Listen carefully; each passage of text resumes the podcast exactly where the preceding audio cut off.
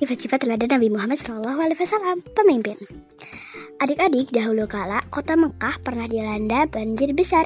Akibat banjir hebat itu, tembok Ka'bah sampai runtuh diterjang air demi membangun Ka'bah kembali. Seluruh warga bergotong royong bekerja siang dan malam. Mereka tidak ingin bangunan kebanggaan mereka itu hancur berantakan. Akhirnya kerja yang lelah melelahkan itu membuahkan hasil bangunan Ka'bah ke Bali berdiri dan megah. Namun masih ada satu hal yang yang harus dilakukan yaitu memasang batu Hajar Aswad. Batu ini adalah batu hitam simbol kemuliaan. Dua kabilah Arab berseteru soal pemasangan batu Hajar Aswad. Kabilah yang berhak memasang Hajar Aswad karena kabilah suku terbesar di kota ini. Cetus para pembesar Quraisy. Terbisa, kami yang pantas memasangnya. Sergah kabilah lainnya. Kabilah lain pun ada yang berseru kami yang lebih pantas. Karena tidak ada yang mengalah, maka diadakanlah seyembara.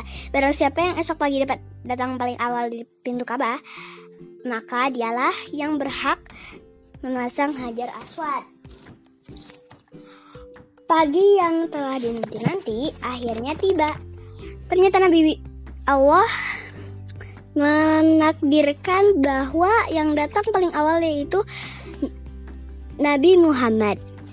Bahkan sebelum fajar menjelang, Nabi sudah berada di tempat itu untuk mendekatkan diri kepada Allah. Orang-orang pun berseru, dialah orang yang pantas memasang hajar aswad. Setuju, dia adalah yang diutus Allah datang paling awal, yang lainnya menimpali.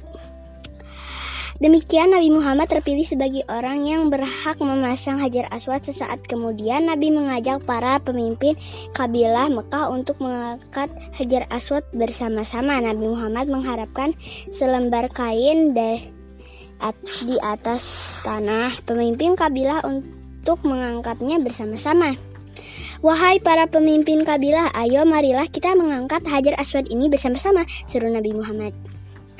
Dengan perlahan para Pemimpin kabilah maju satu persatu. Mereka semua memegang setiap sudut kain tersebut dan mengangkatnya hingga mendekati dinding Ka'bah. Akhirnya batu Hajar Aswad berhasil diletakkan dengan sempurna.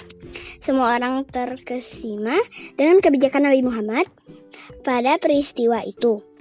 Nabi mampu men mendamaikan perseteruan di antara para pemimpin kabilah dan sejak saat itu persaudaraan kabilah Mekah semakin kuat itu berkat Nabi Muhammad SAW yang menjadi pendamai dan pemersatu.